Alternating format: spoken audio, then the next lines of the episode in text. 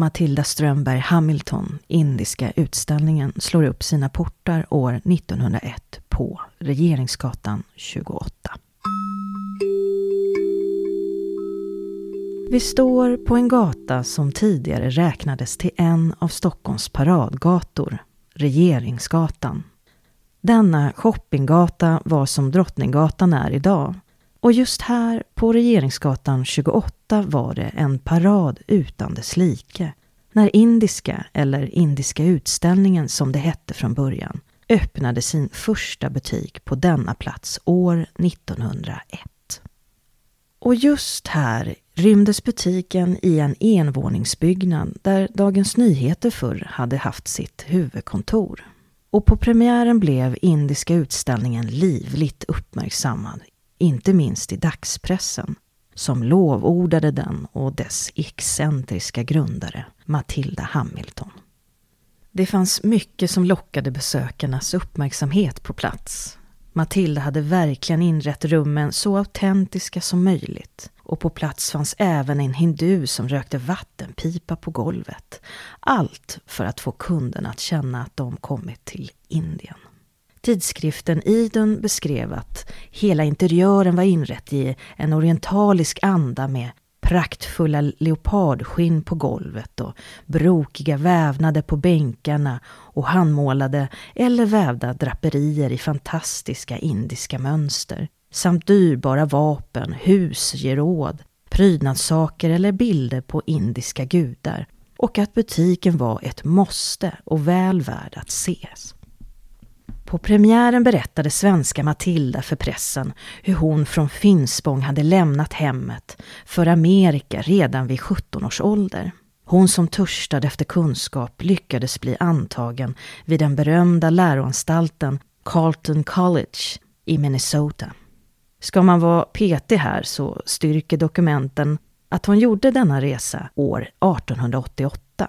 Fast då var hon ju 24 år.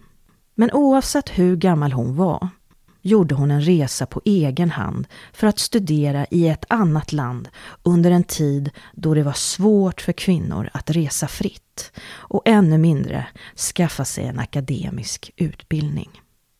Väl i USA hade Matilda brutit sina studier för att ge sig ut på en föredragsturné i landet där hon talade om nykterhet och mission.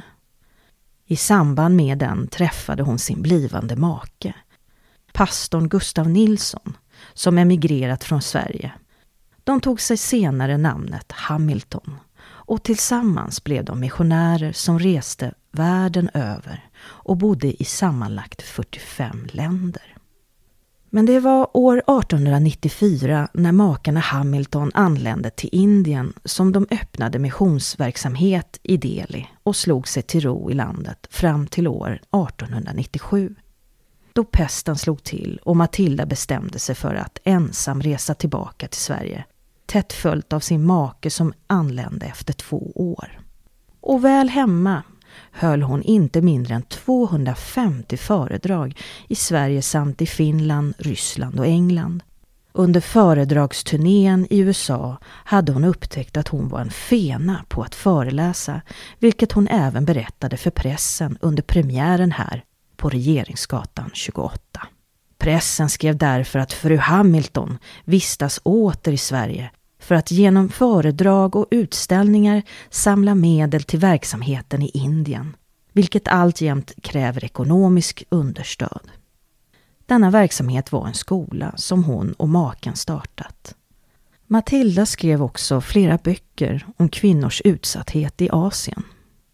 Resorna som hon gjort resulterade även i att hon skrev boken Kvinnan i Brahmas, Buddhas och Mohammeds länder iakttagelser och studier i Orienten.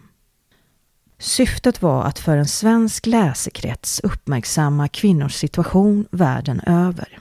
Detta ämne var också det hennes föredrag baserade sig på.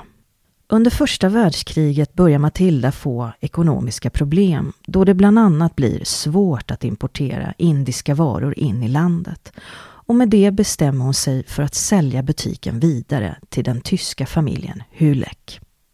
Indiska utställningen köptes senare på 1950-talet av Åke Tambert som införde både kläder samt ändrade butikens namn till det nuvarande Indiska magasinet, eller Indiska som vi säger i folkmun.